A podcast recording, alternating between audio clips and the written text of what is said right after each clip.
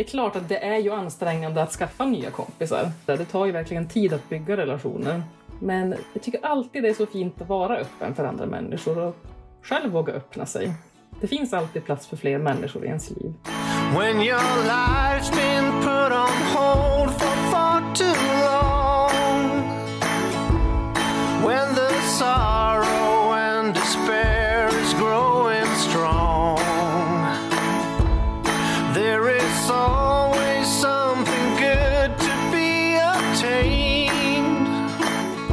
Det är ett nytt avsnitt av Bortom ekorrhjulet. Idag har vi med oss en, eh, en himla härlig gäst, eller hur Sara?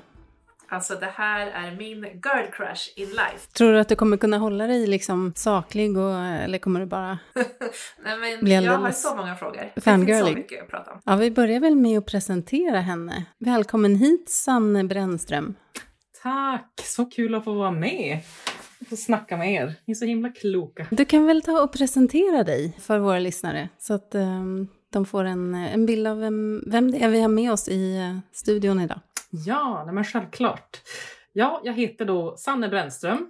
Några kanske känner igen mig som Varginna, som är namnet jag går under i sociala medier. Det är ja, men dels mitt personliga varumärke, men också mitt eget företag där jag jobbar som fotograf, jag är grafisk designer och också influencer med inriktning på hållbarhet, kreativitet och äventyr. Sen utöver Varginna så driver jag också Rewild tillsammans med min vapendragare Therese.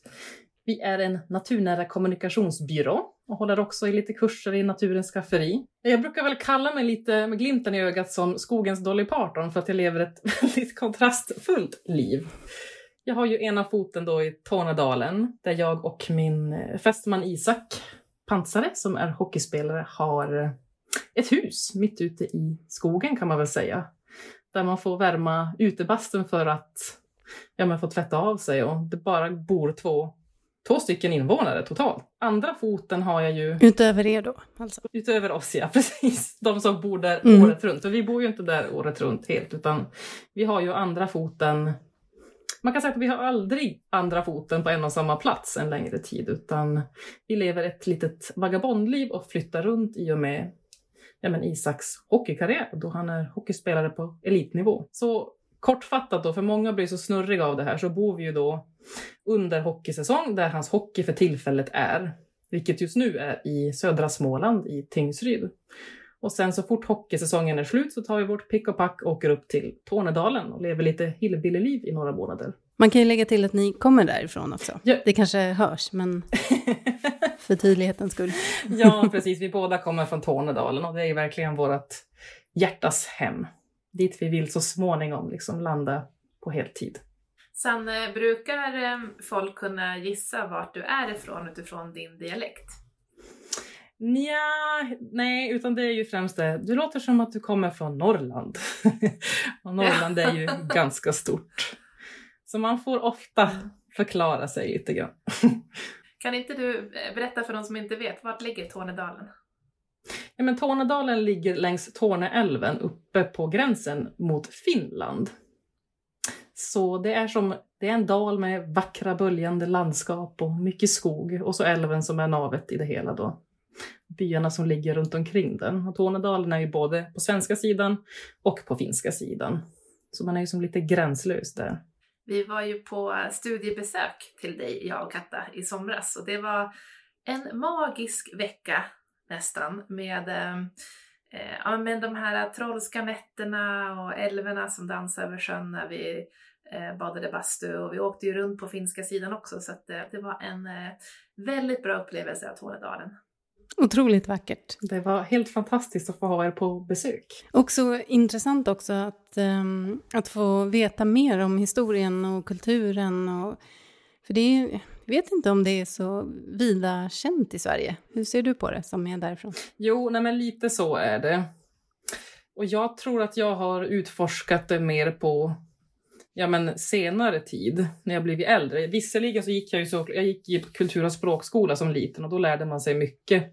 Men sen när man liksom började gymnasiet och fick åka till centralorten Övertorneå, inte ens där pratade vi särskilt mycket om vår egen kultur.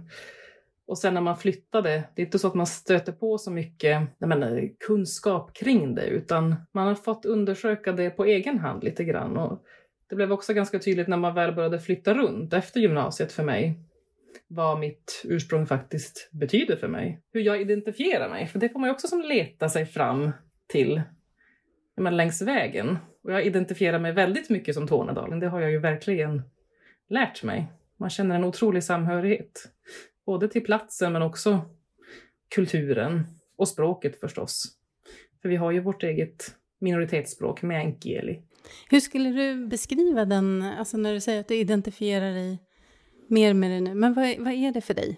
Ja, det är det där som är så otroligt intressant, för det är ju, det är ju väldigt diffust det här med hur man identifierar sig, men det är bara en känsla av en känsla av att komma hem, att höra hemma någonstans, både i liksom, ja, men naturen som är så otroligt närvarande i allt man gör. Där man lever efter säsongerna, man lever av naturen på många sätt. Men också, alltså det är ju speciellt när man har sitt eget språk och man varvar mycket. Det är ju meänkieli som man kan säga, någon som aldrig har hört det så är det som en blandning av svenska och finska.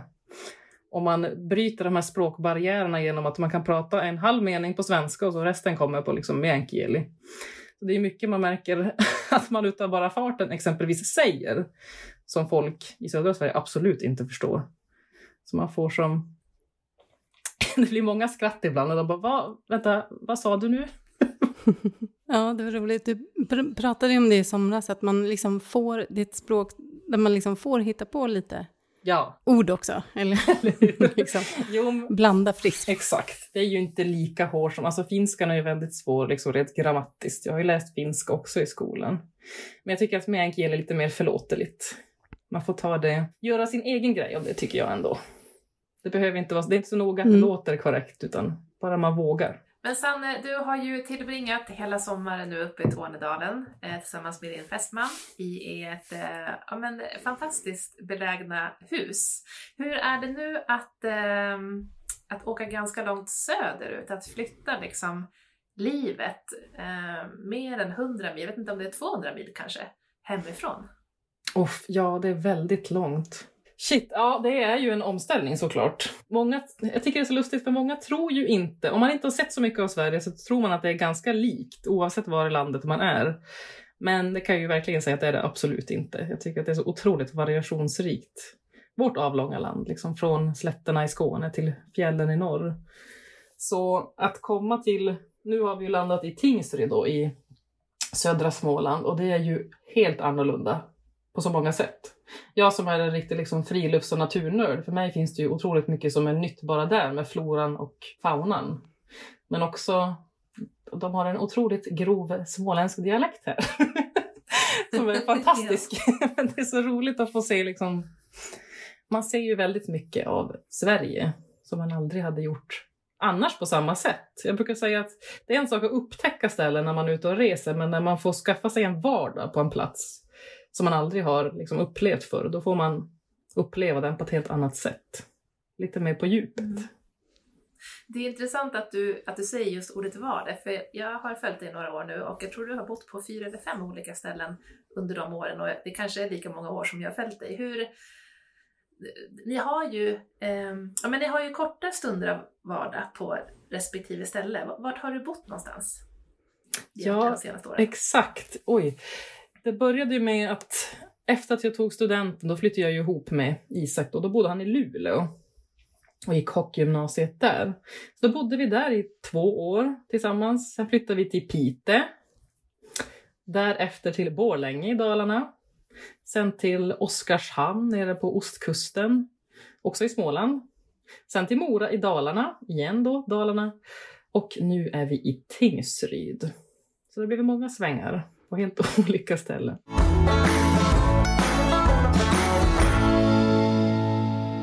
Det är ju en sak som vi vill prata med dig om idag, är just det här um, vagabondlivet som du kallar det.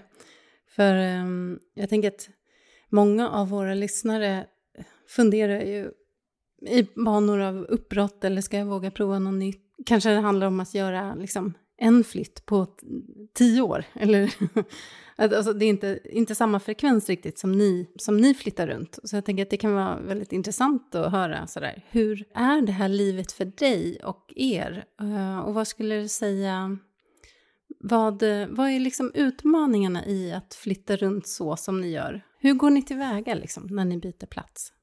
Ja, det är ju ett inte så traditionellt liv vi lever på många sätt.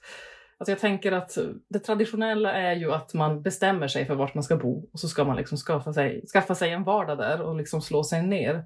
Men nu får vi lite båda delarna. Vi har en trygg fast punkt i Tornedalen och sen har vi också det här runtflackandet som folk kallar det, eller vagabondlivet som vi säger. Och jag skulle nog säga att det är nog det som har fått mig att växa som person allra mest. För att det är utmanande på alla sätt och vis.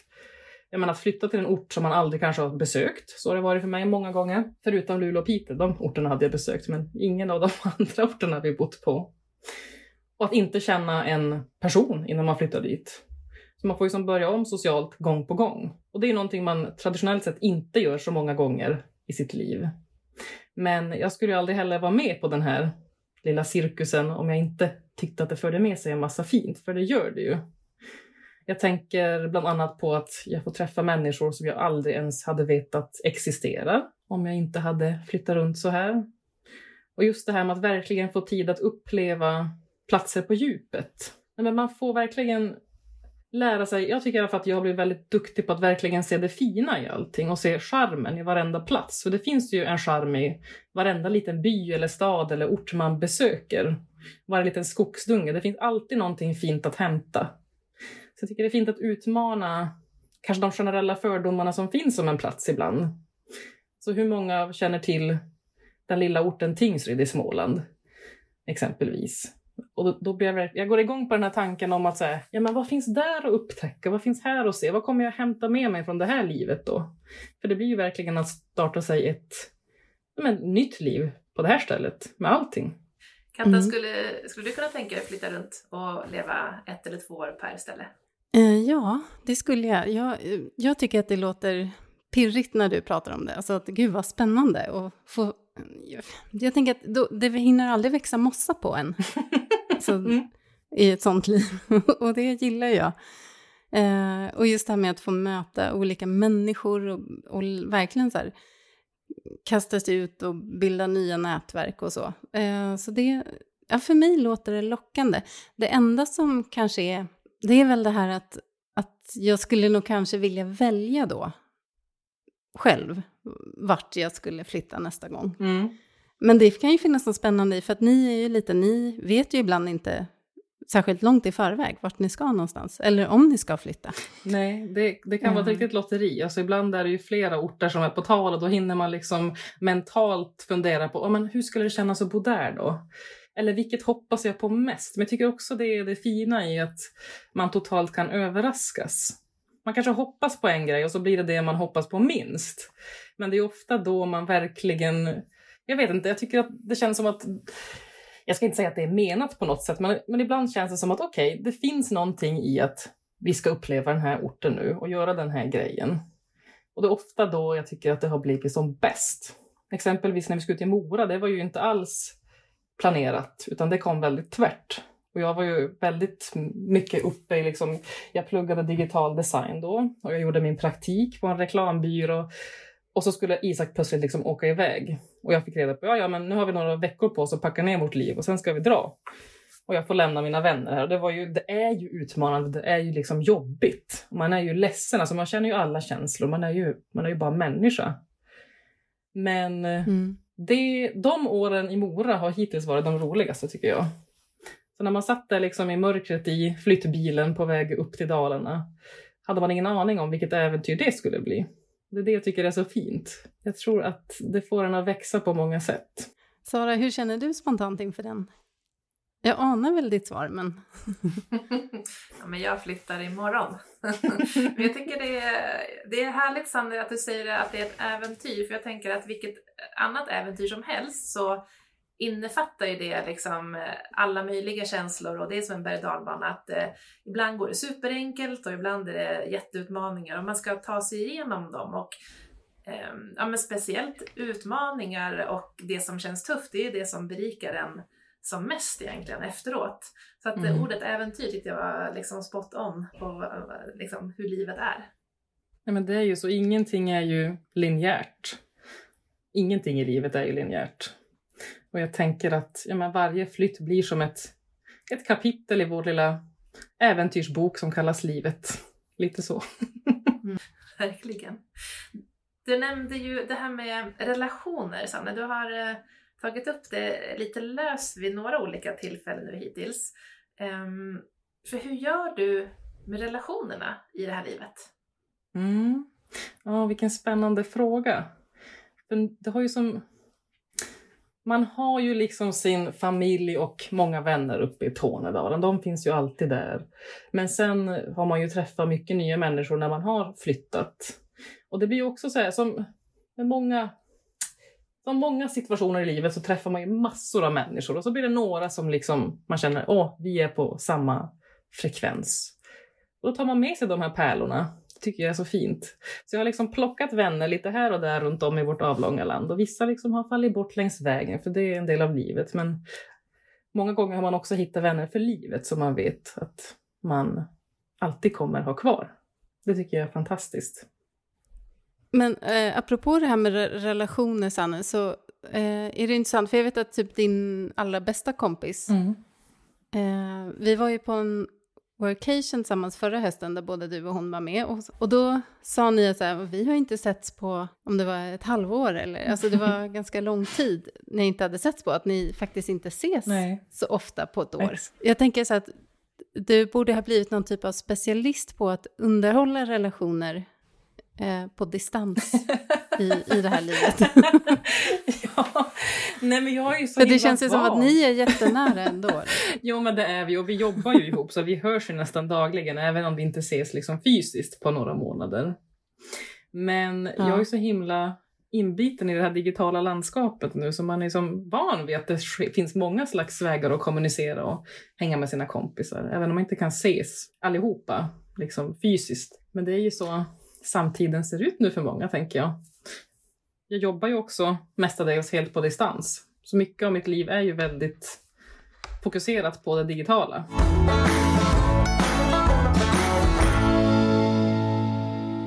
Jag tänker att äh, det här med relationer, att det är ju eh, ganska praktiskt att kunna höras med sina befintliga vänner så digitalt. Det finns så många bra verktyg för det. Um, och sen så nämnde du att ja, men du, du träffar ju på guldkorn i form av relationer på olika ställen där du bor. Mm. Men jag skulle vilja liksom ställa en fråga som vänder lite grann åt andra hållet. För att, eh, jag har också bott på lite olika ställen och eh, när jag pratar med människor om relationer just så finns det ibland en bild av att vadå, jag, jag har ju mina vänner, jag har inte plats för fler. Eh, och um, jag tror att det är en ganska vanlig bild. Um, men har du märkt av det på de orter där du bor att ja, men så här, folk har fullt med vänner. Det finns inte plats för fler. ja, att det är svårt. exakt. Ja, gud vad intressant ändå. För, jo, men visst är det så. Alltså när man kommer till en, speciellt när du kommer till en ort där vart någon kanske har bott jättelänge eller har sin familj. Då finns det ju de människorna som liksom har sin redan slutna krets och där och kanske har ett umgänge sedan innan. Eh, jag blir ju ganska mycket ihopslussad liksom med det här hockey, hockeygänget så att säga. Jag träffar ju många människor via hockeyn. Det blir också ett litet socialt experiment och för man är ju ofta jätteolika människor som blir ens första liksom inkörsport till någon form av socialt umgänge. Ja, för du, du väljer då varken plats och du väljer inte vilka du ska, eller vilka du naturligt kan umgås med heller. Det är experiment på alla plan. Och du, du, du väljer inte heller hur du ska bo, eller hur? Utan det, du blir också typ tilldelad ett boende, eller hur funkar det? Eh, nej, men det är lite olika. Det är klart att hockeyföreningarna brukar ju som hjälpa till med det och så kan man få lite olika alternativ. Och vill man ha någonting annat så kan man ju såklart söka sig utanför det. Men det är ju den första sociala kontakten är ju ofta via hockeyn. Sen kan man ju välja, liksom, jag tänker att bara för att man blir ihopslussad i ett sammanhang så måste man ju inte stanna där, utan man kan ju träffa människor på andra olika sätt också. Men det är väldigt Mm. tacksamt ändå att man får, får det där, i alla fall som en, en, första, en första kontakt. Och alla befinner sig ofta i samma situation också, fattar liksom det här livet man lever och vilka utmaningar som finns och också fördelarna med det. Och det är alltid så roligt för det, det är klart att det är ju ansträngande att skaffa nya kompisar. Just när man, när man just har träffats och man vill verkligen komma någon på djupet och där. Det tar ju verkligen tid att bygga relationer. Men jag tycker alltid det är så fint att vara öppen för andra människor och själv våga öppna sig. Det finns alltid plats för fler människor i ens liv. Herregud, Mm. hjärtat blir aldrig fullt, tänker jag. Apropå det där med plats för vänner och så, för att nu, nu har du ju kanske fullt fokus då på att etablera ett nytt liv i Tingsryd och sådär, men hur, hur går det att upprätthålla de tidigare relationerna, eh, tillfälliga vännerna, de kanske inte är tillfälliga, men om du förstår vad jag menar. Nej, men jag förstår precis vad du menar. Och det är ju... Jag tänker att man märker ju ofta, eller man känner ofta ganska snabbt av liksom vilka man kommer hålla kontakter med. Och jag tycker det är helt okej också. Alla man träffar måste inte liksom bli ens bästa kompisar eller vänner för livet. Någon som man hörs med varje dag. Sen finns det de som man pratar med varje vecka i alla fall. Så jag tycker det är, det är, väldigt, det är väldigt olika det där. Men det är faktiskt en utmaning tycker jag ändå att tänka så här. För jag, också, jag föredrar ju såklart djupa relationer när man lär känna någon verkligen från grunden och lär sig allt om varandra och liksom så. Men jag tycker också det är fint att man kan ha lite olika slags relationer. Alltså kanske bara de som man ses ibland tar ett glas Mm. bubbel med och kan prata så. Också de som blir vänner för livet. Och det får vara lite olika. Jag tycker man, man ska vara öppen för det också. Sen eh, alltså, när jag lyssnar på dig när du pratar, alltså du låter så här både klok och rolig och äventyrlig och härlig. Alltså har du alltid varit sån här? En härlig person från start? Vilken rolig fråga. Jag hoppas att jag alltid har varit härlig. det hoppas jag. Men jag tänker att gud, det här livet som vi lever, det är ju, men det är ju långt ifrån, vad ska man säga, det det är otroligt utmanande på många sätt. Så jag tycker ändå att jag har lärt mig väldigt mycket kring ja, men, det sociala framför allt. Att alltid vara öppen och lyhörd och våga, våga släppa in. Inte vara så himla stängd, utan verkligen ta för mig. Också våga vara, ja nu slarvar jag bort mig totalt, men att våga liksom vara öppen för andra och själv vara öppen. Eh, och sen, jag tycker ju själv att jag är en, jag är en person som behöver ladda om i min ensamhet. Så jag behöver ju också min egen tid. Jag skulle själv beskriva mig som en introvert, men det kanske man inte upplever utifrån. Men jag tänker att man utmanar sig själv hela tiden och framförallt när man slussas runt i de här sammanhangen som jag gör, både ortsmässigt men också socialt. Det är verkligen, som du Sara Mm. beskrev det, som ett litet experiment på många olika plan. Men där kan jag tycka, om man nu är introvert, vilket jag också, alltså social introvert. Mm. Ja, men det kanske är ett bra ord egentligen att använda. Men då kan det ju vara skönt att vara lite ny på en plats och kunna, man går ju automatiskt lite under radarn ett tag och kan välja på ett annat sätt än, än på en plats där man är djupt inarbetad i, i det sociala livet och det finns många som har förväntningar på Man kanske har familj och vänner och kollegor och allt möjligt på samma ort. Mm. Ehm, Men när du kommer ny till en plats, då är det lite mer, ja men kanske just den där tiden för att utforska på egen hand. Det, det finns inte så många krav på en än. Nej, nej, jag förstår. Är det någonting du har reflekterat över eller är det bara jag? Nej, absolut. Men grejen är också så att jag överraskas också av mig själv, tycker jag, hela tiden. Jag, tänk, jag tänkte verkligen så när jag flyttade hit nu, att gud, nu behöver jag verkligen tid för mig själv ett tag och bara få vara ute i skogen och ja, men verkligen få, få vara för mig själv och så här, bo in mig i lägenheten och hitta smultronställen. Men redan dagen efter vi kom så var jag ute och käkade lunch med två tjejer härifrån. Och så bara fortlöpte det.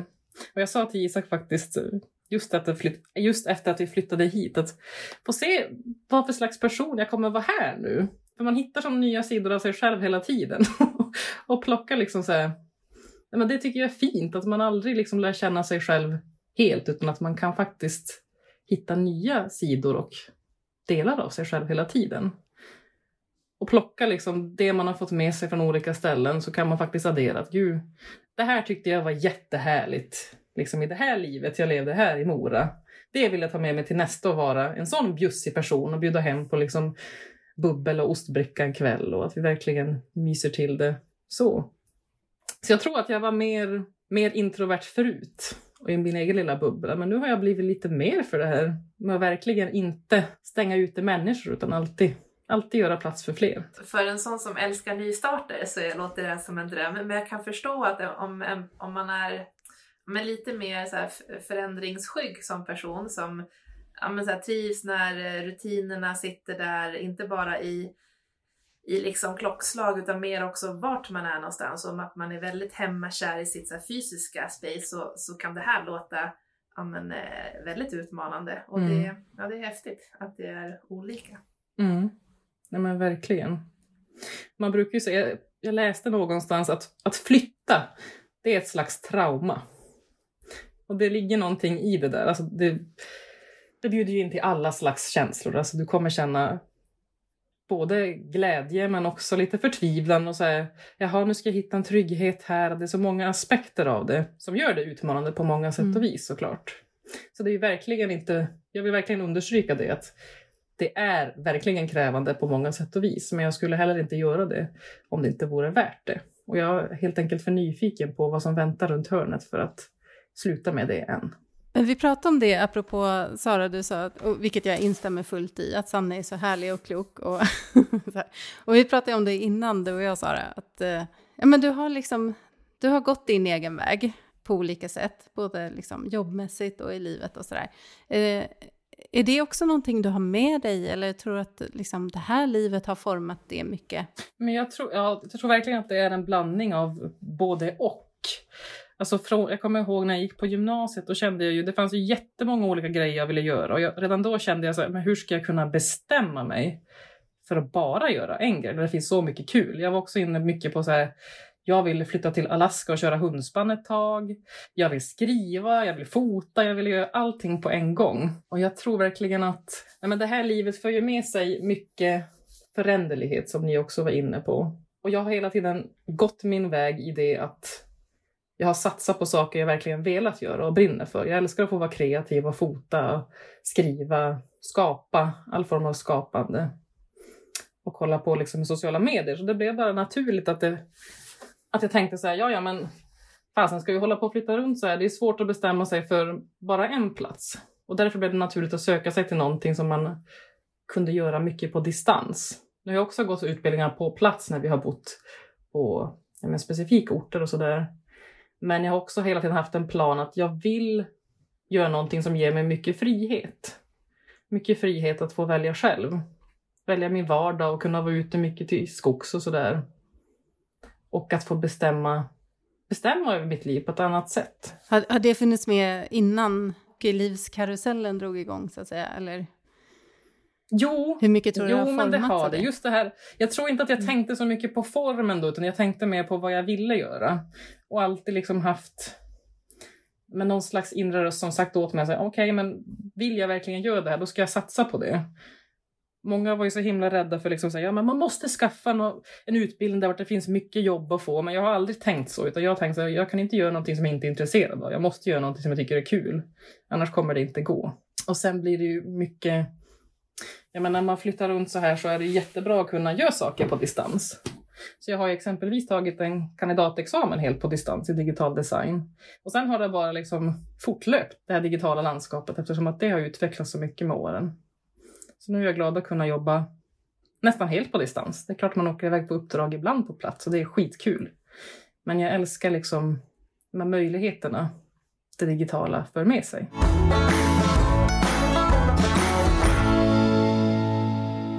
Ja, vi kan väl gå in lite på det, hur du eh, jobbar och försörjer dig. Mm. Eh, men också i eh, ja, hur du format det efter eh, det livet ni lever. Ja, men som jag var inne på tidigare så har jag dels mitt egna företag då, Varginna, där jag är fotograf, grafisk designer och influencer i min egen kanal. Då. Och det är ju faktiskt skitbra med just de här ja, men, grafiska jobben och ja, men, samarbeten i sociala medier, allting sånt sker ju per automatik på distans. Så det är ju verkligen superbra. Och mycket fotojobb, det kanske man inte tror. Man tänker kanske så här, jag var också inne mycket på i början, så här, när jag började fota, då tänkte man så här, jag måste fota allting.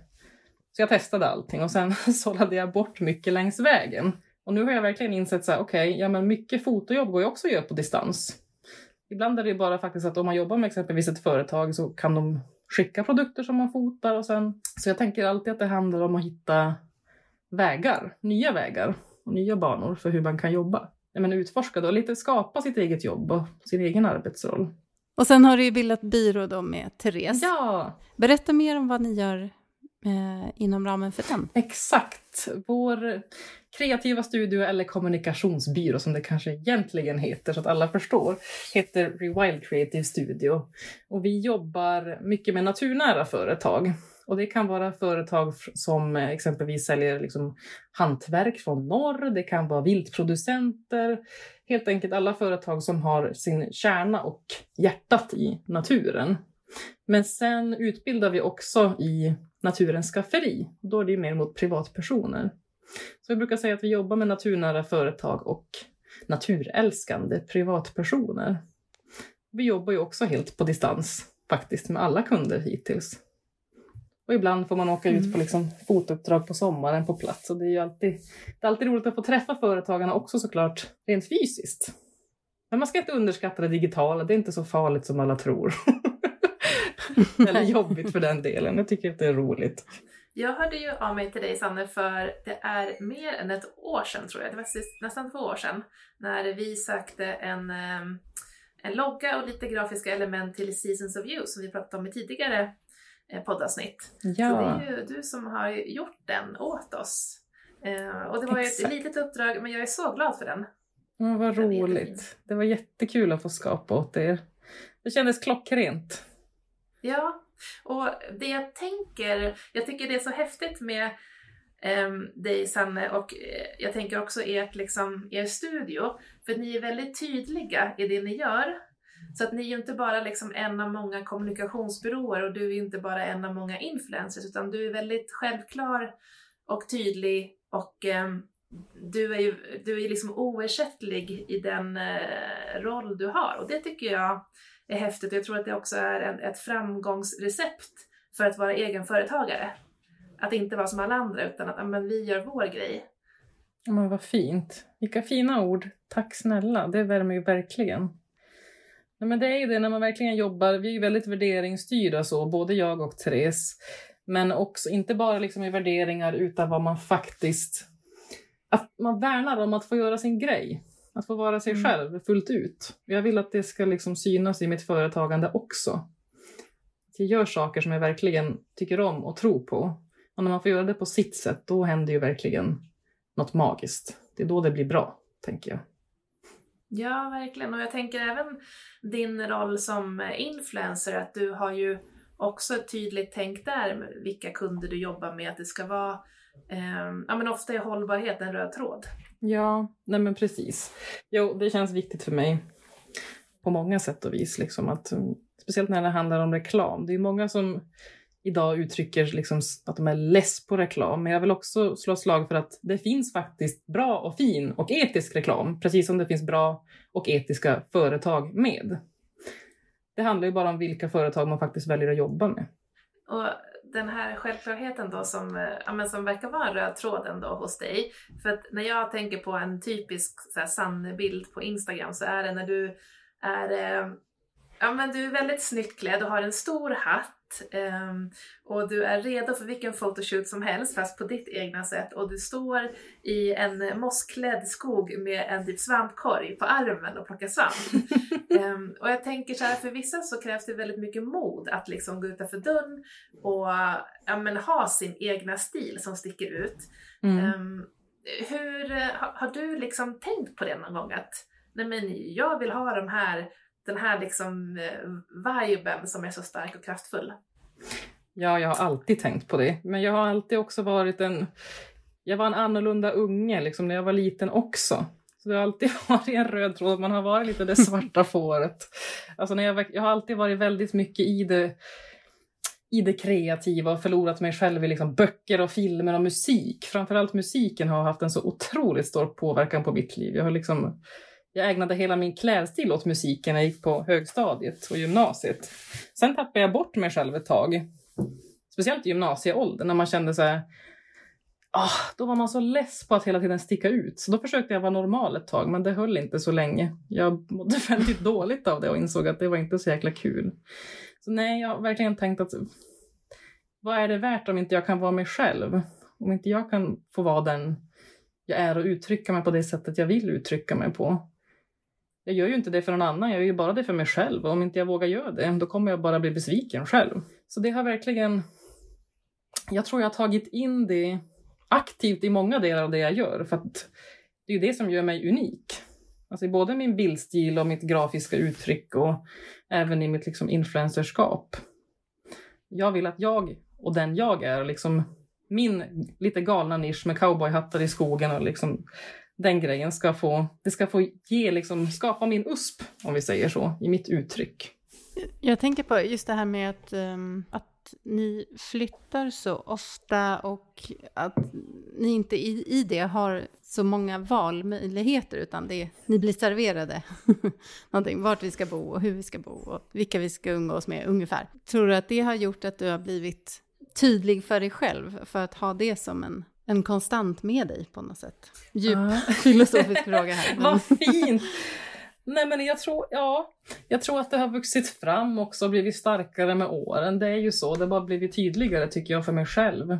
Vem man är, vad man står för och, och det är fint också att få, få pröva de här nya orterna, de här nya sammanhangen och se att ja, men, oavsett var jag är så kommer jag alltid att vara jag. Jag kommer alltid att utvecklas mm. som människa men jag kommer fortfarande att vara jag. Jag tappar inte bort mig själv för det. Det kanske är så till och med att det hjälper till att, att utkristallisera eh, när man byter sammanhang så pass ofta. Mm. För du hamnar inte på samma sätt i roller baserat på det förflutna som du kan göra om du fortsätter i ett och samma sammanhang i, under många år. Ja men exakt, jag tänker också det, det är alltid lika spännande att se vad folk kommer tycka eftersom att jag, jag har en ja, men lite speciell stil om vi säger så. Nu menar jag inte att sitta på några höga hästar så, men jag älskar liksom färg och form och retromönster och det får vara lite extravagant ibland. Och det är alltid kul att bjuda hem folk och säga så här, okej okay, nu ska vi se vad de säger här. Kommer de säga, vad kommer komma ut ur deras mun? Kommer de vara, oj vad spännande eller oj vad fint eller wow. Häromdagen hade jag hemma en ny bekantskap som hon kom in till mig och sa, wow! Men gud Sanne, vad kallas din stil egentligen? Jag sa, men det vet jag väl inte. Det är bara Sanne-stilen. Ja, du kan väl eh, visualisera lite för våra lyssnare. Ja. Vad, är det man ser när man kommer in i ditt hem? Man ser mycket varma färger och mycket mönster. Jag har ju en fäbless för 70-talet. Så jag älskar att gå all in på liksom mormors gardiner som man tänker att en mormor liksom har från 70-talet i sin garderob typ. det älskar jag att plocka fram och jag har ja, men, eh, en 70-talslampa, en svamplampa exempelvis. Kosta Boda. Jag älskar liksom västernmönster, mycket västerngrejer med riktiga liksom Stetsonhattar och men också naturen, så jag blandar liksom hejvilt. Jag blandar 70-tal med liksom västern och naturelement. Mycket saker jag gör själv också. Och lite Dolly Parton. Ja, Dolly Parton älskar jag. hon är fantastisk, hon är en ikon. Så jag tänker så här, jag försöker bara att blanda hejvilt av allt jag gillar. Det brukar bli bra då. Ja, det slog mig nu, för du la ju ut lite bilder um, nu från ert nya hem. Och där har ni inte bott länge. Och ni har ju verkligen blivit proffs på att bo in er snabbt och få upp allt. Jag har ju fortfarande inte fått upp tavlor hemma hos mig till exempel. Men eh, hos er var det fullt. och det, det slog mig att ja, det där det är nog, det är liksom en träningsgrej. Kanske. Jo, nej men det är sant. Det är ju samma med vårt hus vi har hemma i Tornedalen. Allting är ju inte färdigt där. Där låter vi det få ta sin tid, det får gå lite långsamt. Men det här livet är ju lite mer snabbt. Hinner jag inte få upp alla tavlorna då kanske vi flyttar någon månad. Så. Man vill ju ändå hinna skapa ett hem. Och sen har vi, vi har ju ett helt bohag med oss. Vi samlar på oss liksom grejer och valt ut grejer genom åren och vi har ju med oss allting nu. Så då har man ofta en vision av exakt hur man vill att det ska se ut. Eftersom man har alla mm. grejer på plats. Så jag kan ju säga att jag har lite försprång där då, Katta. Du behöver inte känna dig stressad.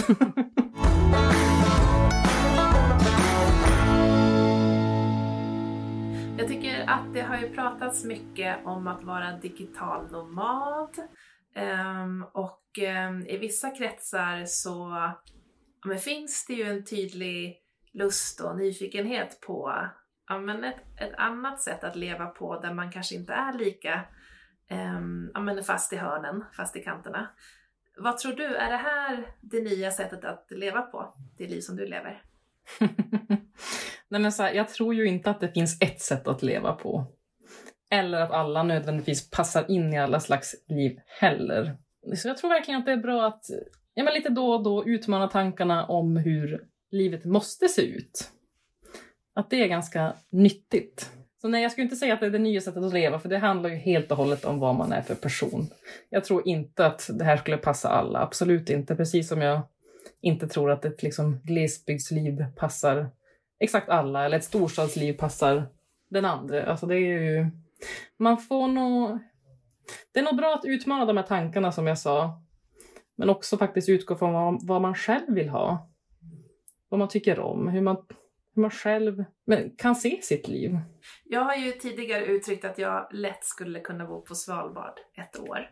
Mm. och nu i somras så sa jag att jag hade lätt kunnat flytta till Kalix ett år också. Ja, um, fantastiskt! och eh, Katta, du ska ju göra en sån här grej. Eh, en sån här liten flytt, flyttgrej, höll jag på att säga. Jag vet inte vad jag ska använda för uttryck, men prova på att bo någon annanstans. Och det avslöjar vi ju i tidigare avsnitt.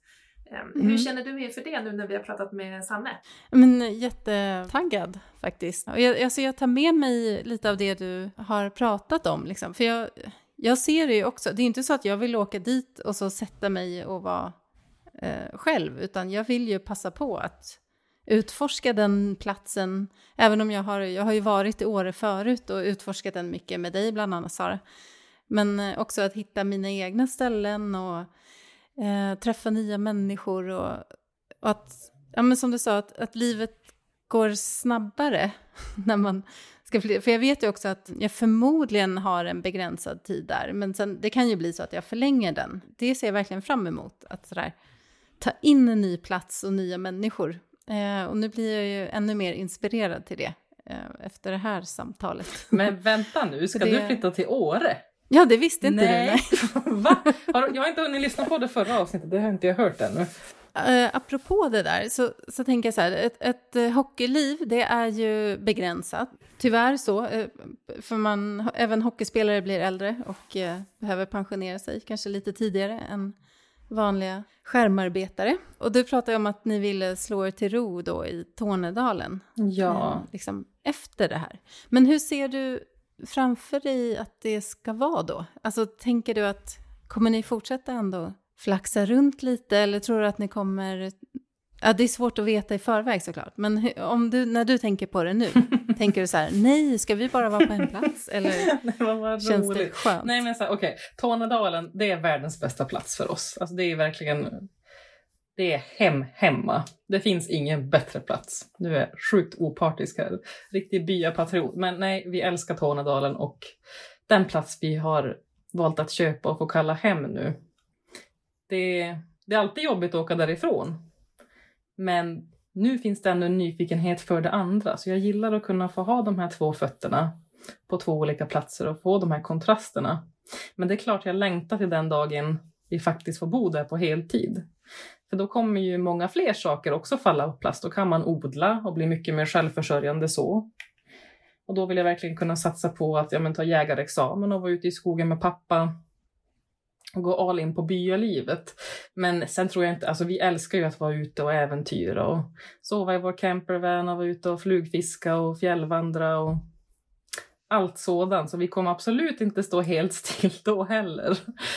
Men jag tror att det kommer se lite annorlunda ut för att Ja, men vi vurmar ju väldigt mycket för norr. Vi älskar ju liksom Tornedalen och Norrbotten och Västerbotten och så.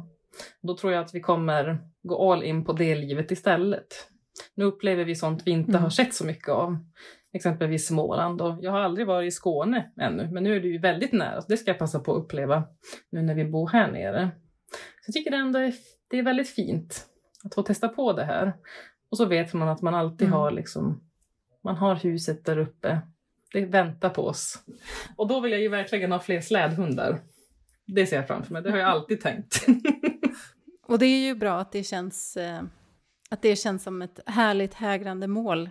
Exakt, det vet vi ju inte ännu heller. Men som du säger, alltså en hockeykarriär är ju inte lika lång som en traditionell karriär.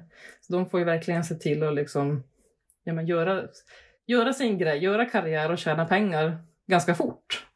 För att sen byta och göra något helt annat kanske. Så jag och Isak pratar ju väldigt mycket om vad skulle vi kunna göra tillsammans när vi väl flyttar hem på heltid och sådär. Det är inte än i alla fall.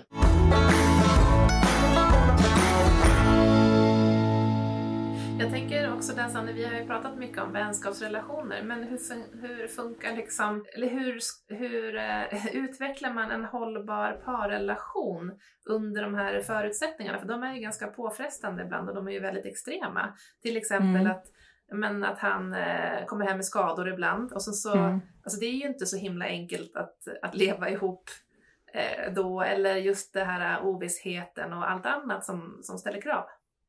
Nej, det är ju speciellt. Alltså, senast förra säsongen så fick han ju stiga av isen för att han hade en punkterad lunga.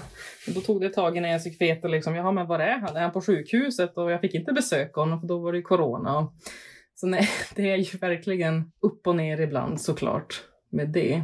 Men jag tänker just relationsmässigt så. Jag är ju en person som trivs väldigt mycket att, att vara själv.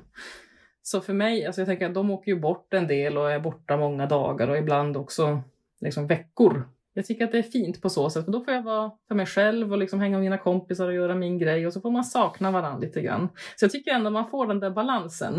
Och jag tycker ändå att vi får mycket tid ihop, även om det är liksom intensivt när det är säsong och sådär. Men... Eller så är jag bara så van. Jag vet inte. Men jag är nyfiken på, för, du, för frihet är ju viktigt för dig och sådär, men eh, grunden i det här livet är ju egentligen ganska ofritt. Är det något du känner av eller hittar du din egen frihet i de här bestämda ramarna? Man ska säga. Mm. Så jag tänker att det är både och. Eftersom att allting är så otroligt föränderligt hela tiden. Alltså vi vet ju sällan, ja men just den här grejen, man kanske skriver på x antal säsonger någonstans men så kan det ändå bara bli en här plötsligt.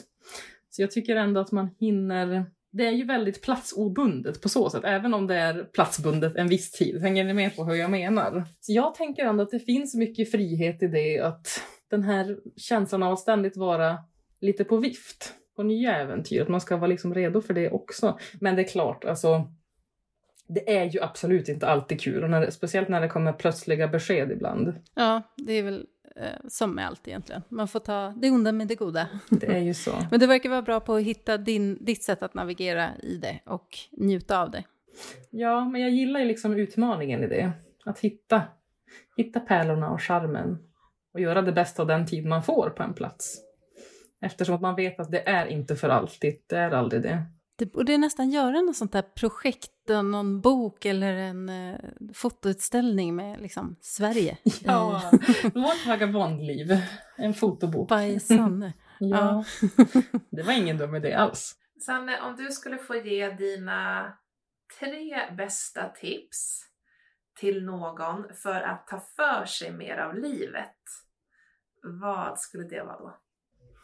Åh, vad spännande, ta för sig mer av livet.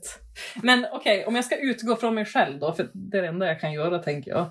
Då är det första att man inte måste vara så förnuftig hela tiden. Jag är en person som går väldigt mycket på känsla och lyssnar mer på hjärtat än vad jag gör på hjärnan ibland. Ibland blir det tokigt, men allt som oftast blir det bra på ett eller annat sätt. Det är väl tips nummer ett. Och jag tänker att nummer två får vara att vara öppen.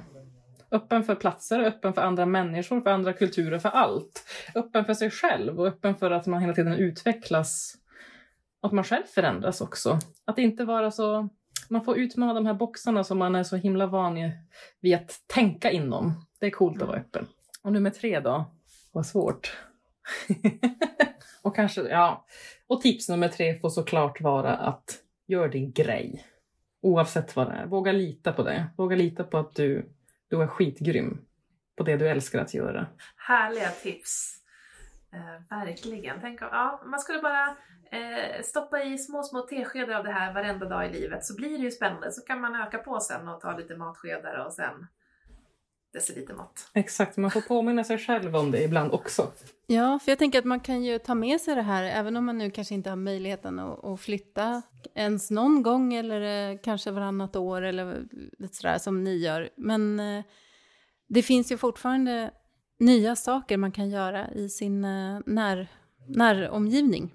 Det tycker jag, det tar jag med mig mycket inspiration från det här samtalet att göra. Nu ska jag gå ut och eh, drabba en massa nya människor i min omgivning. Fantastiskt, vad fint. Och bjuda in dem på bubbel och ost, eller vad sa du? Det lät trevligt. Ja, bubbelkväll. Bangar aldrig bubbel, Mm. det är bästa mottot. Om man nu är nyfiken på dig, för det tror jag att det många är efter det här avsnittet. Var, eh, var kan man få mer av dig i sitt liv? Ja, man hittar mig... I den digitala Exakt, världen då i den såklart. digitala världen. Nej, men då heter jag Varginna med W på Instagram och Horry Wild Creative Studio också. Så där kan man surfa Mm. in. Så är du en naturälskande privatperson eller ett naturnära företag, eh, ta och kolla in Rewild Creative Studio. Ja, De gör mycket härliga saker. Ja, men då så. Då är det väl dags att vika in hovarna för det här avsnittet. Hoppas att eh, du som lyssnare har fått minst lika mycket energi och eh, livslust och eh, inspiration som eh, jag och Sara har fått. För det tror jag att du också har fått, Sara. Ja, så härligt. Tack Sanne för all din eh, eh, ja, men livsvisdom. Ja, men tack själv. Ni Ja. inspirerar mig ju i allt.